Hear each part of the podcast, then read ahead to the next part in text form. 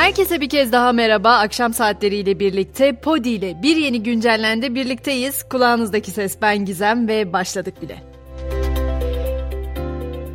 Seçimlere 3 gün kala bugün oldukça hareketliydi. Memleket Partisi lideri Muharrem İnce bunu memleketim için yapıyorum diyerek Cumhurbaşkanlığı adaylığından çekildi. Son 45 günde gördüklerimi 45 senede görmedim diyenince kendisine yönelik iftiralarla ilgili savcıları göreve çağırdı, partisi için de her evden o istedi. İnce'nin açıklamalarının üzerine Ankara Cumhuriyet Başsavcılığı da Muharrem İnce ile ilgili paylaşım yapan hesaplara ilişkin şantaj, tehdit ve belgede sahtecilik suçlarından resen soruşturma başlatıldığını duyurdu. İnce son 45 gündür FETÖ tarafından sahte dekontlar ve kasetlerle hakkında bir algı operasyonu yapıldığını açıklamıştı. İnce'nin kararının ardından açıklamalar da ardı arkasına geldi. Millet İttifakı adayı Kılıçdaroğlu çağrısını yineledi. Kılıçdaroğlu sosyal medyadan yaptığı paylaşımda eski kırgınlıkları, dargınlıkları bir kenara bırakalım artık. Sayın İnce'yi Türkiye'nin sofrasına bekliyoruz. Buyursun lütfen gelsin dedi. İnce'nin çekilmesi konusunda Cumhurbaşkanı Erdoğan'dan da açıklama geldi. Erdoğan niye çekildi anlamak mümkün değil, doğrusu üzüldüm. Keşke bu yarış sonuna kadar böyle devam etseydi ifadelerini kullandı.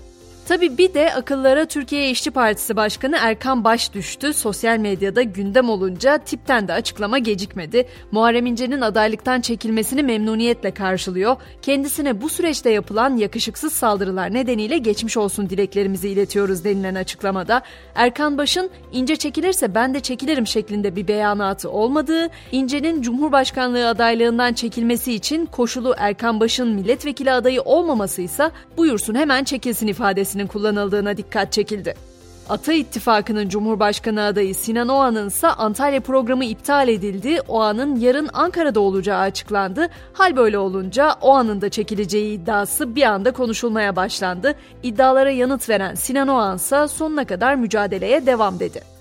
Peki geldiğimiz noktada yurt dışı oyları kullanılmışken Muharrem İnce'ye yurt dışı ve gümrük kapılarında verilen oylar ne olacak sorusu gündeme geldi. Öte yandan 14 Mayıs'ta seçimde kullanılacak oy pusulalarında İnce yer alacak mı, verilen oylar geçerli sayılacak mı diye konuşulmaya başlandı. Şöyle cevaplar var bu konuda da yurt dışında İnce'ye verilen oylar geçerli olacak. 14 Mayıs'ta kullanılacak pusulalarda da yine İnce'nin ismi ve fotoğrafı yer alacak. Yeni pusula basılmayacak ve aldığı oylar geçerli sayılacak. Ancak İnce resmi olarak çekilme başvurusu yaparsa ikinci tura kalamayacak, seçilse bile mazbatasını alamayacak.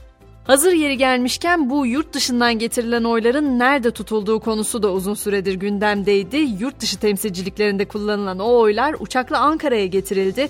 Oylar Ato Kongrezyum'da 5 kilidi bulunan bir odada sıkı güvenlik önlemleriyle korunuyor. Bu arada Muharrem İnce'nin adaylıktan çekilmesiyle birlikte borsada hızla yükselişe geçti bugün. İnce'nin konuşmasından sonra BIST yüzdeki günlük yükseliş %5,5'i, bankacılık endeksindeki günlük yükseliş ise %9'u buldu. Yine bugün memurlar için de önemli bir haber geldi. Kılıçdaroğlu geçtiğimiz hafta memur maaşlarını 21 bin lira seviyesine çıkartacağını açıklamıştı hatırlarsanız. Benzer bir vaatte bugün Cumhurbaşkanı Erdoğan'dan geldi. Çalışanları enflasyona ezdirmediklerini söyleyen Erdoğan, en düşük memur maaşı Temmuz'da 22 bin lirayı bulacak, bu artışlar emeklilere de yansıyacak dedi. Tahıl Koridoru Anlaşması'nın geleceği de bugün İstanbul'da masaya yatırıldı. Milli Savunma Bakanlığı dörtlü toplantının olumlu geçtiğini duyurdu. Dışişleri Bakanı Çavuşoğlu da anlaşmada iki ay uzatma olabileceğini açıkladı. Hemen biraz da dünyanın nabzını yoklayalım. İtalya'nın Milano kentinde bugün şiddetli bir patlama yaşandı. Yetkililer olayın kent merkezinde oksijen tüpü yüklü bir minibüsün alev almasından kaynaklandığını aktardı. Yaşanan patlama nedeniyle başka araçlar da alev aldı. Bir kişinin yaralandığı olayda neyse ki can kaybı yaşanmadı. İspanya hükümeti ise kuraklığa karşı yeni önlemler açıklamak için bugün olağanüstü toplandı. Hükümetin aşırı sıcaklarda açık havada çalışmayı yasaklama kararı alması bekleniyor. Teknoloji dünyasına baktığımızda ise Google, ChatGPT'ye rakip yapay zeka destekli sohbet robotu Bard'ın yeni güncellemelerini duyurdu. İlk olarak ABD ve Birleşik Krallık'ta kullanıma sunulan sohbet uygulaması 180'den fazla ülke ve bölgede erişime açıldı. Müzik dünyası ise kraliçenin dönüşünü konuşuyor. Beyoncé 7 yıl aradan sonra Rönesans adlı dünya turnesiyle sahnelere döndü. İlk konserini İsveç'in Stockholm kentinde veren Beyoncé'ye ilgi oldukça büyüktü. Beyoncé fütüristik ve disco görünümlü sahne şovuyla büyük beğeni topladı. Hemen spordan notlarımı da ekleyeyim. UEFA Avrupa Ligi'nin yarı finalinde bu akşam Juventus Sevilla ile Roma'da Bayer Leverkusen'le karşı karşıya gelecek. Her iki mücadelede saat 22'de başlayacak.